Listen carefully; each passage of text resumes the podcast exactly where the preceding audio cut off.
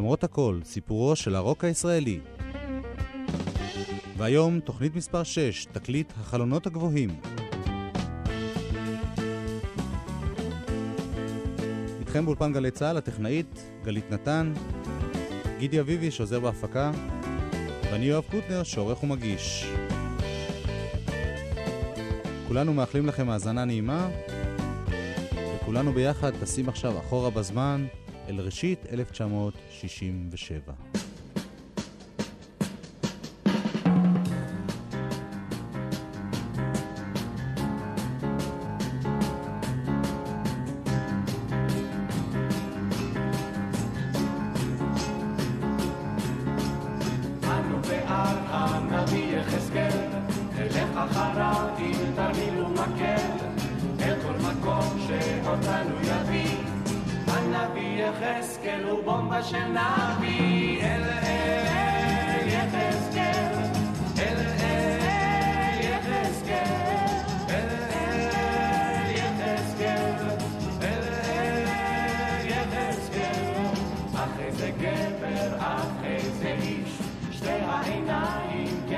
ברחובות,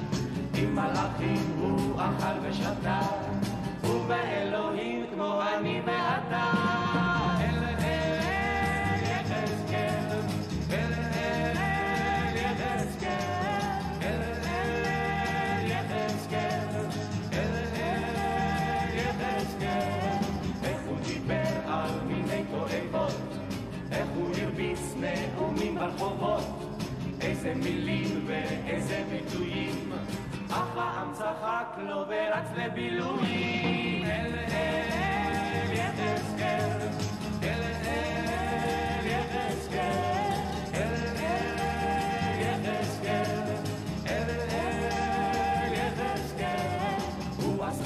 שהוא טס על גלגל, בין עננים בוערים כחשמל.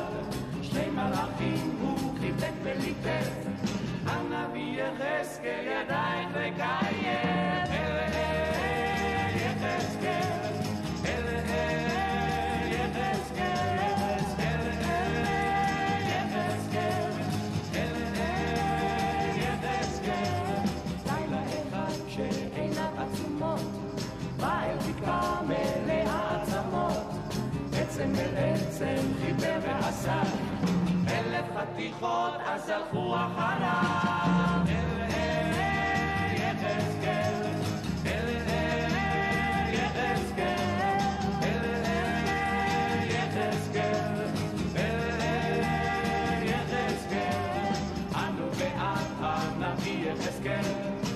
אחריו עם תרמיל ומקל, אל כל מקום שאותנו יביא. הנביא יחזקאל הוא בומבה של נביא אל אל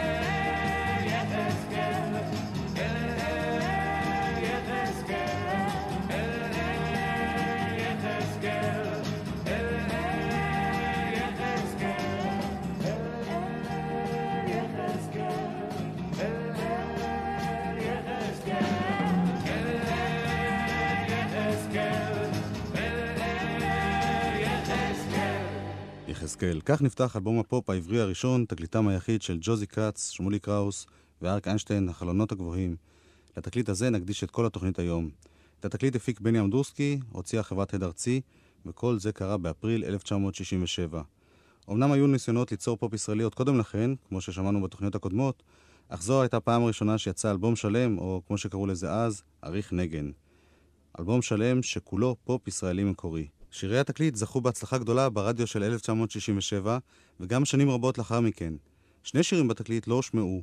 אחד מהם היה זה ששמענו קודם, זה שפתח את התקליט, יחזקאל. את השיר כתב חיים חפר, והוא נפסל לשידור בגלל מה שהוגדר זלזול ברגשות הקהל הדתי. משפטים כמו הנביא יחזקאל הוא בומבה של נביא, והוא ואלוהים כמו אני ואתה. שיר נוסף שנאסר לשידור היה חייל של שוקולד. את הטקסט המאוד חריף שלו כתב חנוך לוין, ומן הסתם גם כיום טקסט כזה היה מעורר איזושהי התנגדות או מחלוקת. ובואו לא נשכח שמדובר בתקופה אחרת לגמרי, ערב מלחמת ששת הימים, מה שקראו אז תקופת ההמתנה, העם היושב בציון שרוי במתח, בחרדות לעצם קיומו, הצבא נחשב לערך קדוש, וחנוך לוין בא ומעז אה, לחבר שיר אנטי-מלחמתי, אנטי-צבא, שיר שלא מתנגד לצה"ל דווקא, אבל מתנגד למלחמות, להרג ולצבא בכלל. בוא חייל של שוקולד, בוא אליי אל המשלט, של תנוח אל תירא, ותשוב. הטבח מגיש בשר לרב הטבחים, רב הטבחים מגיש בשר לתותחים. כל האנשים אחים מתחת לפרחים, רועמים התותחים, הילדים בוכים.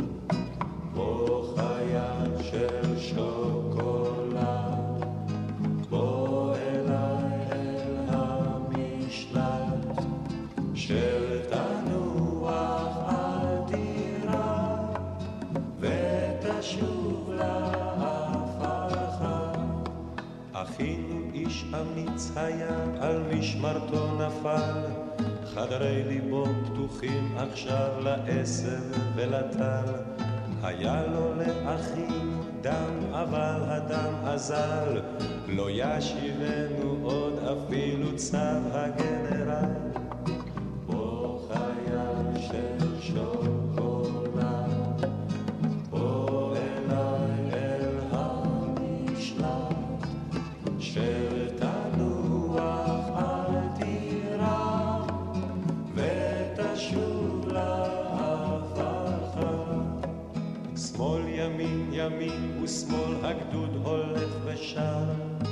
החיים מסורבלים, המוות הוא קצר. כל הגדוד הולך אחר עורפו של הר הסר, הר הסר הולך גם הוא בדרך כל בשר. בוא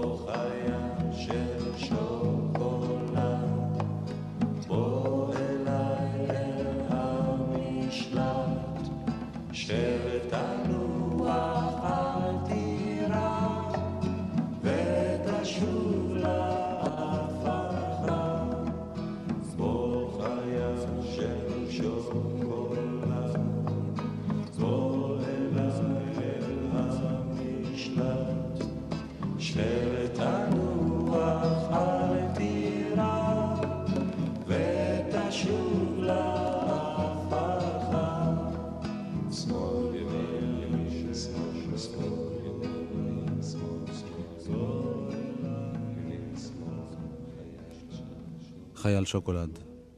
שאר שירי התקליט, כמו שאמרתי, היו להיטים גדולים, והראשון ביניהם הגיע לרדיו בפברואר 1967.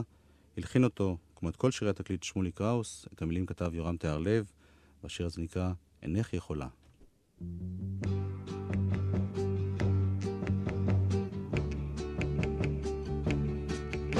אינך יכולה ככה סתם ללכת,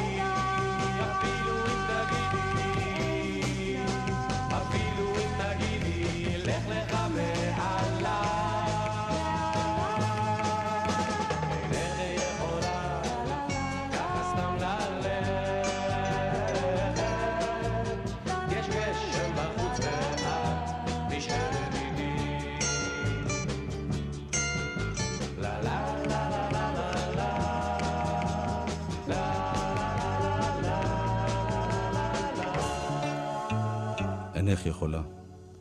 בישראל של אה, ראשית 1967 נשמע השיר הזה כמו התפרצות של אנרגיה וחיוניות מרעננים. השיר הזה תוך שבוע הגיע לראש מצעדי הפזמונים, הוא הדיח משם את כל הכבוד של יורם גאון. שבועיים לאחר מכן הגיע לרדיו ולמצעדים שיר נוסף, להיט חם מתוך האלבום הזה, הפעם מילים של עמוס קינן. האהבות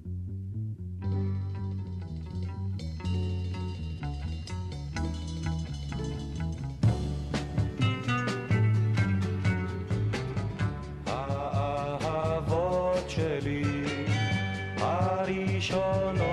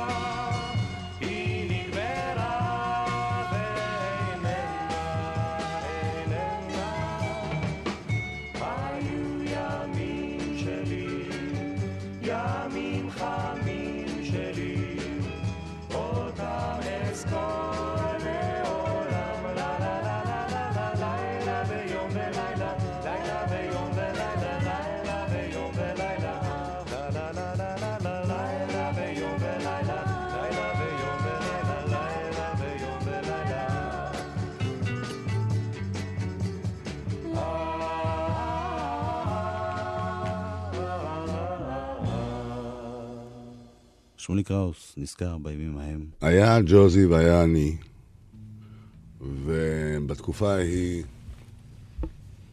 אריק היה יושב הרבה בכסית. אה, אריק אמר, תשמע, אמרו לי שאתה כותב שירים יפים. אתה יכול לכתוב לי כמה, אתה רוצה לכתוב לי לתקליט? אמרתי, אני מוכן. לנסות, זאת אומרת. אני לא מתחייב.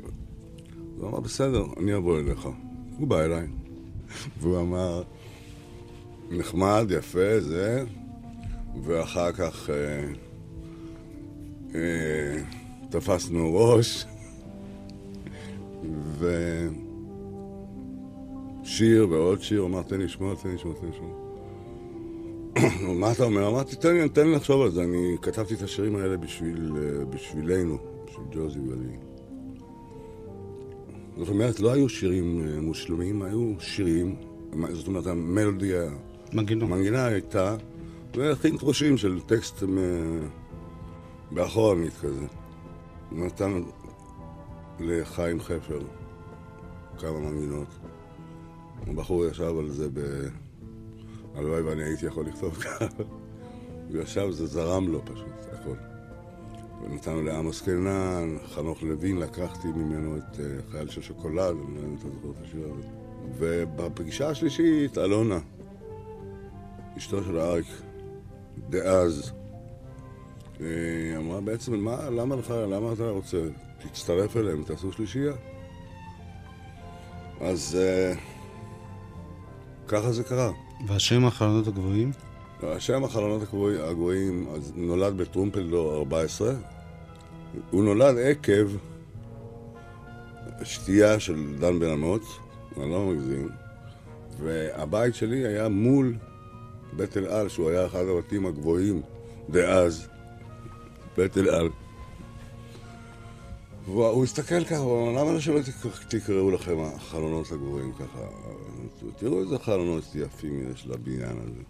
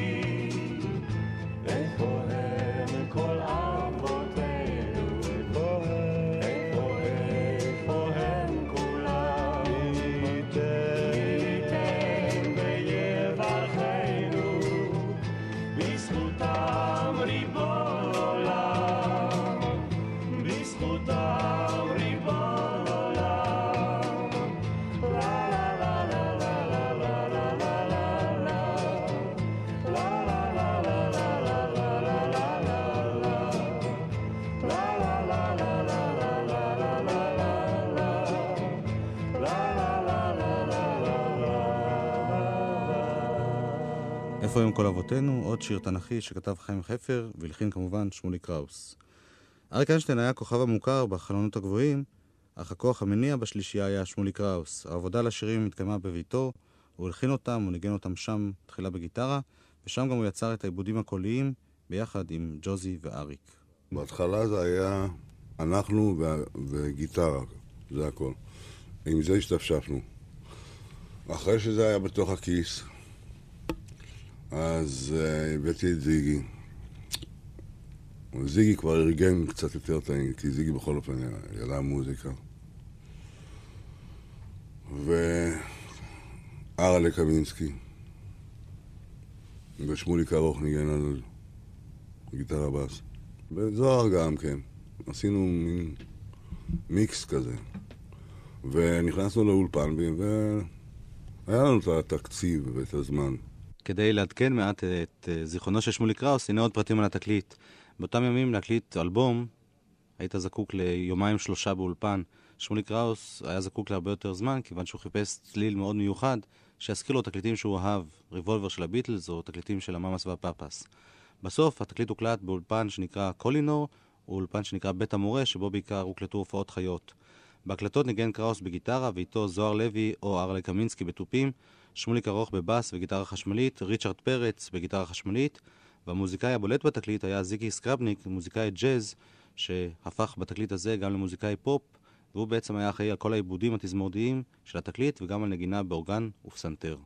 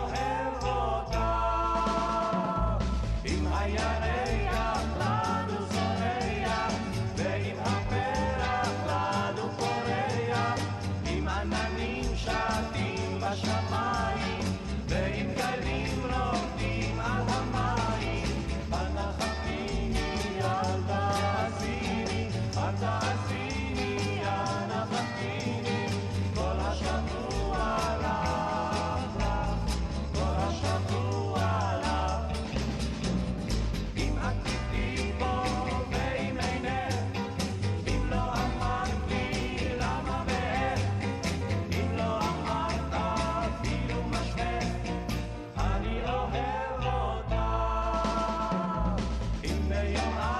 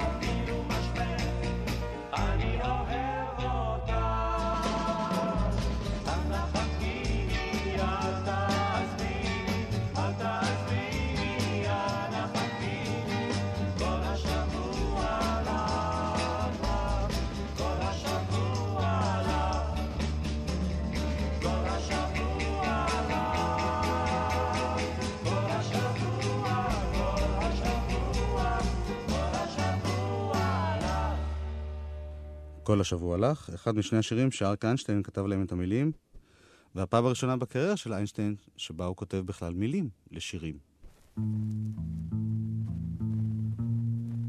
והנה אריק איינשטיין נזכר בזווית שלו לפגישה עם שמולי קראוס ולהקלטת התקליט של החלונות הגבוהים.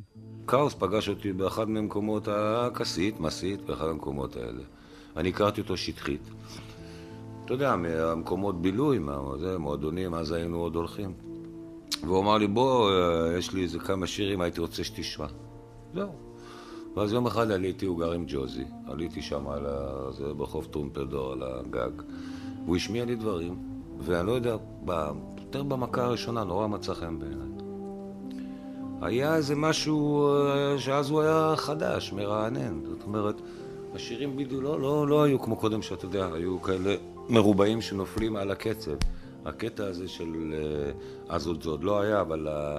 טה טו טה טו טה טו טה טה טה טה טה טה טה כל הזרימה של השיר היה בה משהו חדש, להבריא מטומטרלונצ'ה, טומטרלונצ'ה והכל האומצה שהיה לפני זה. עם כל הכבוד, היו גם שירים יפים, אבל הנשימה של השירים הייתה אחרת. ואני הייתי כזה, אתה יודע... הסתכלתי, הקשבתי, אתה יודע, אמרתי יאללה, ואז הייתי זמר, כאילו זמר מפורסם וזה, ונוער וזה, אמרתי יאללה בוא נעשה שלישייה. זהו, ככה היה התגובה שלי. וזהו, והתחלנו לעשות, עבדנו בהתחלה על ארבעה שירים. שעות, ימים, שבועות, ואז התחילו לבוא אורי זוהר וכל מיני לגג, אתה יודע, לשמוע וזה כזה, היה, היה בזה איזה משהו מרענן במוזיקה. עבדנו על עינך יכולה ועל כל השבוע לך, שזה בעצם שני שירים שאתה יכול לשיר אותם יחד, אתה יודע. תנסה לשיר עינך יכולה עם כל השבוע, זה הולך, זה על אותם ההרמוניות. כן, לא חשוב. והתשמע, התשמע קולי, זה... ואלה יחזקאל או משהו, ארבעה שירים היה לנו סך הכל, ואותם כל הזמן ככה דשנו ודשנו ודשנו. וזהו. ואז הוצאנו את התקליט.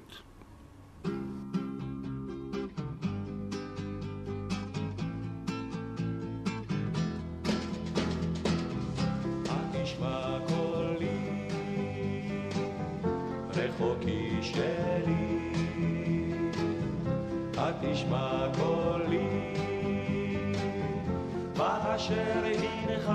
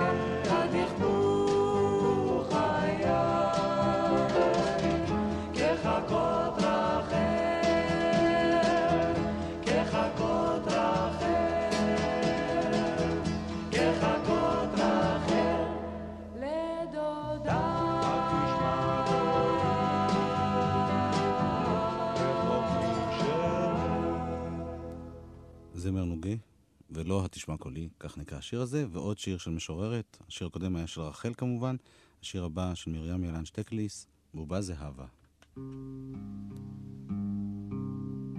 עייפה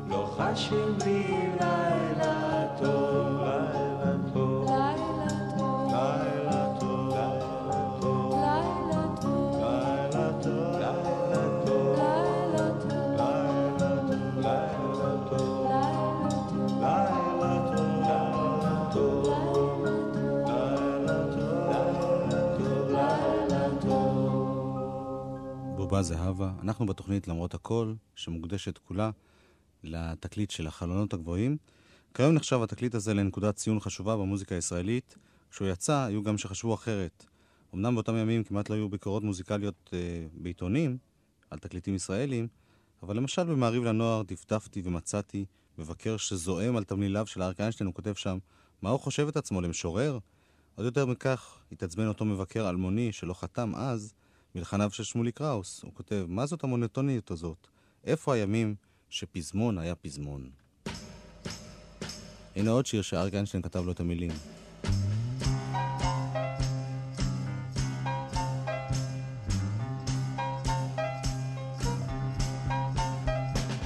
יצאתם לטייל ברחובות, אז מה,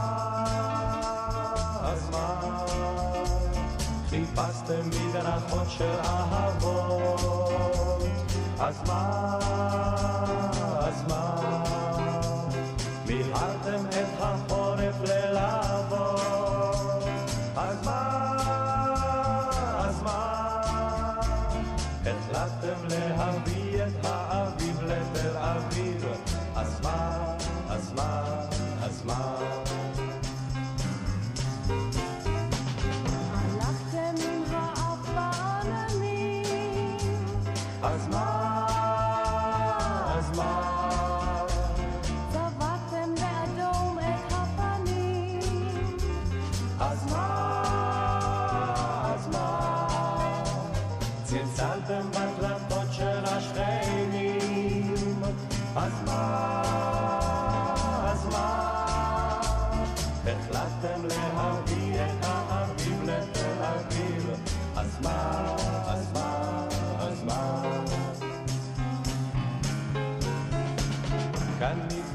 מכנסיים רחבים, אז מה,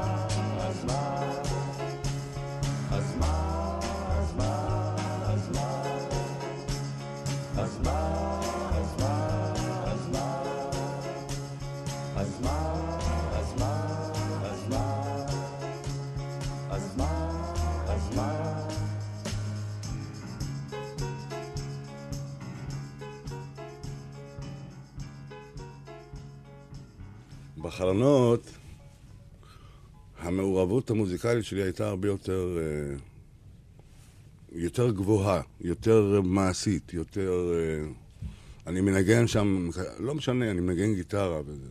והכל הולך לפי המקצב של הגיטרה. אני גם לא הרגשתי שלא- שלא הולך להיות פה משהו מהפכני, באמת שלא לא הרגשתי את זה.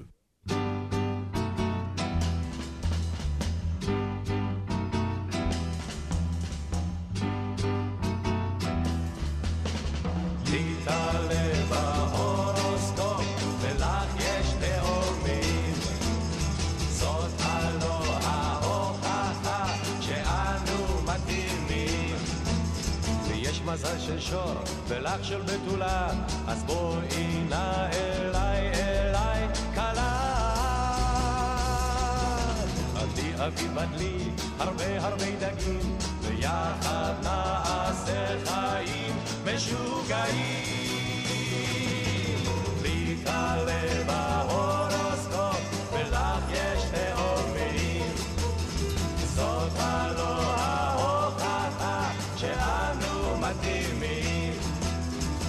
גדול טרף בלילה את הגדי, וכך אני נשארתי לבדי.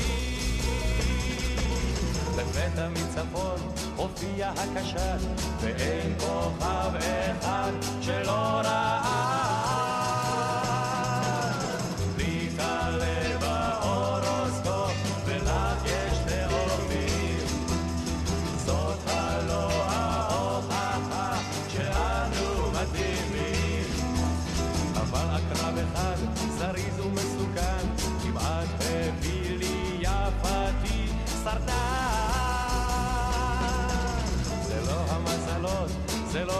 לא הכוכבים,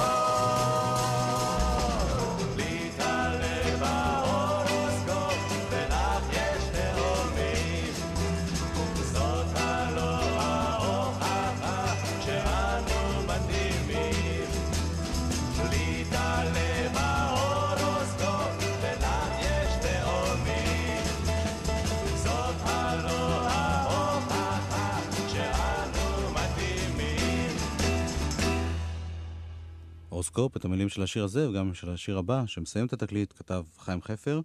את uh, צילומי עטיפת התקליט צילמה אלונה איינשטיין, שהייתה אז אשתו של אריק. ואגב, אני לא יודע אם שמתם לב, אבל שמות חברי השלישייה כלל לא מופיעים על העטיפה. ככה זה היה אז במדינת ישראל הקטנה של 1967. כולם הכירו את כולם ולא היה צריך לפרט. קראוס ואיינשטיין מוזכרים אמנם ככותבי שירים, אך ג'וזי כץ כלל לא מוזכרת על העטיפה.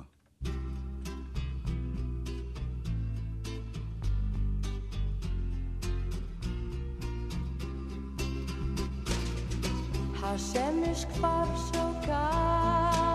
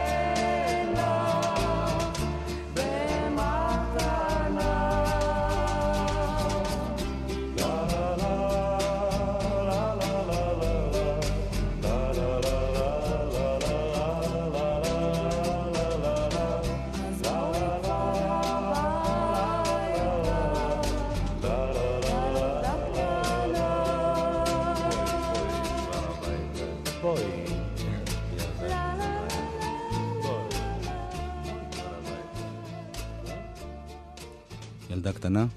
כך מסתיים התקליט של החלונות הגבוהים. יזהר אשדוד, מוזיקאי שמפיק וכותב בימינו, שומע את התקליט הזה 28 שנים אחרי. אם אני לא לוקח בחשבון, בטוח שהיו עוד תקליטים או עוד שירים שעשו בתקופה ההיא, שכבר הושפעו ממה שקורה בעולם, מהפופ של אמצע שנות ה-60. אבל זה אולי התקליט הראשון שהוא מה שנקרא היום מיינסטרים, שהוא היה מופנה, היה מופנה לקהל רחב, והשתתפו בו אנשים מפורסמים כמו אריק איינשטיין, שבעצם אה, לקח את הצליל של אמצע שנות ה-60 מאנגליה ומאמריקה, את ההשפעה של הביטלס, את ההשפעה של uh, מה שקרה בקליפורניה ב-66-67. Uh, מבחינת ההתייחסות לעיבודים, זה אולי הפעם הראשונה שתקליט ישראלי ממלכתי, במרכאות, נשמע כמו תקליט פופ עולמי. זה נשמע ישראלי מהסיבה, ואולי זאת הסיבה שהרבה דברים שנשמעים ישראלים נשמעים ישראלים, היום גם לטובה, פעם אולי פחות, זה כי סאונד הוא לא רק מורכב מהאולפן והטכנאי, סאונד מורכב קודם כל מאיך השיר נכתב, מההרמוניה שלו, מאיך שרים אותו, מאיך מנגנים אותו, איך הנגנים מנגנים. והנגנים ש... זה כמו ברוקנרול בעולם, הנגנים שניגנו בתקליט הזה, ושבעצם יצרו את הצליל הזה שהוא פופ, הם בעצם באו יותר מג'אז. וגם ברוקנרול זה היה ככה, אנשים מוזיקאים באו יותר מג'אז ובעצם המציאו את הרוקנרול. ו... מה שיפה בתקליט הזה זה שכמעט כל שיר נהיה קלאסיקה. כמעט כל שיר זכה לקאבר אחרי הרבה שנים. ופה בעצם אה, אריק איינשטיין התחיל את התפקיד שלו, שהוא המשיך בו הרבה פעמים, שנים אחרי זה, של לגלות מלחינים חדשים ויוצרים חדשים. אני מניח שהייתה להם איזושהי תחושה של כן קצת אה, מרידה וקצת מהפכנות, אה, אבל זה, אני לא חושב שזה תקליט, גם אז הוא לא היה תקליט... אה, אה, מחתרתי או תקליט. הוא גם מומן על ידי עד ארצי והופק על ידי בני אמדורסקי, ואני. חושב שהוא קיבל הרבה חשיפה, והם היו במקומות הנכונים בתל אביב בתקופה ההיא, מבחינה חברתית. אני לא חושב שזה היה איזה משהו מהאנדרגראונד או משהו כזה. יזהר אשדוד. שבועות אחדים אחרי שיצא התקליט הזה של החלונות הגבוהים, פרצה מלחמת ששת הימים, יוני 1967 כזכור, וגם החלונות, כמו כל האחרים, התגייסו להעלאת המורל בעם. שמולי קראוס נזכר. את המלחמה אני גם לא אשכח את 67, כי אנחנו... לקחו אותנו ב- בערב יום לפני שהתחילה המלחמה, לקחו אותנו מהבית עם שני קומנקרים, עם כל הציוד, עם הסאונדמן שלנו, והגענו לעזה, ו... נכנסו לעזה ועוד יורים, והצנחנים אומרים, יאללה, הנה, כנס לאולם הזה. אמר, אני רואה צלף שם, מה זה, תתחיל להופיע. הוא לא יהיה, זה בסדר. הוא נפל. אז היינו עם הצבא, ביחד. השיר באנו למילואים זה הוקלט עוד לפני המלחמה. לא, בזמן המלחמה. אה, בזמן המלחמה ממש? כן. שיר נוראי. ממש נוראי. הוא נכתב בפחות מחמש דקות.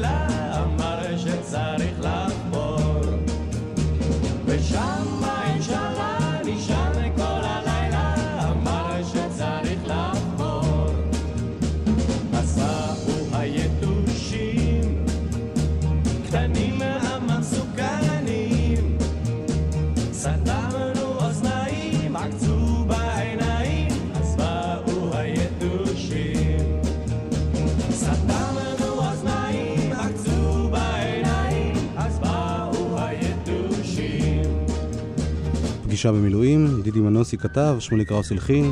השיר הזה כמובן לא הופיע בתקליט החלונות הגבוהים, אלא רק בתקליט האוסף ירושלים של זהב, שירי מלחמת ששת הימים, התקליט העברי הנמכר ביותר בהיסטוריה. אל סופה של שלישיית החלונות הגבוהים נגיע בעוד שתי תוכניות. בתוכנית הבאה נביא דברים נוספים מ-1967, תקופה של שינוי במדינה וגם במוזיקה הישראלית. יצאנו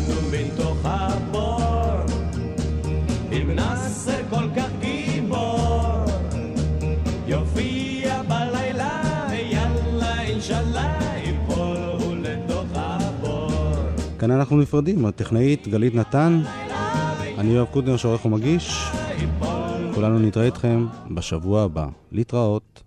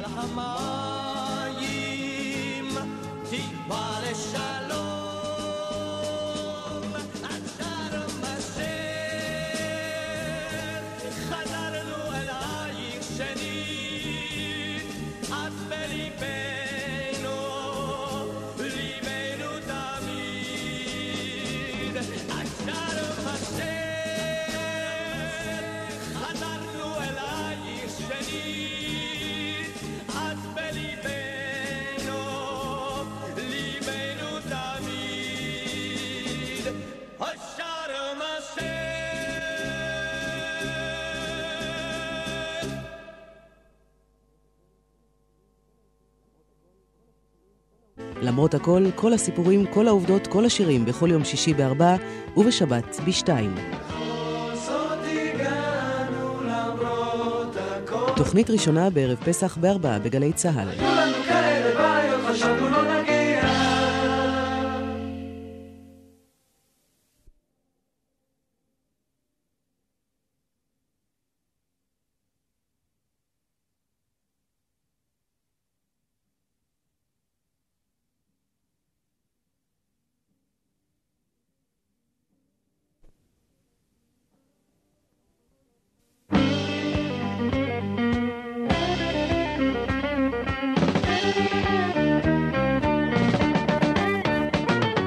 למרות הכל, יואב קוטנר מביא את סיפורו של הרוק הישראלי.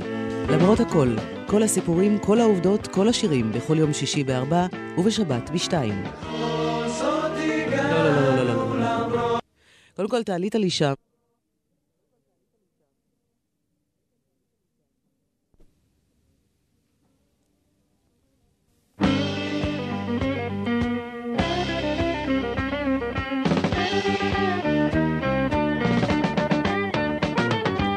למרות הכל, יואב קוטנר מביא את סיפורו של הרוק הישראלי. למרות הכל, כל הסיפורים, כל העובדות, כל השירים, בכל יום שישי בארבע ובשבת בשתיים. רצתי שם, בשבת בשתיים רצתי.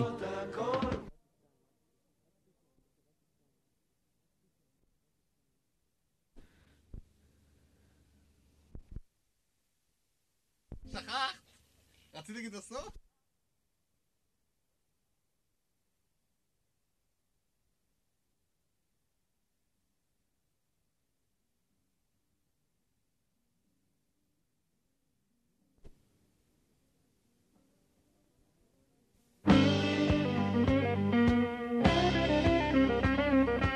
למרות הכל, יואב קוטנר מביא את סיפורו של הרוק הישראלי, והפעם בתוכנית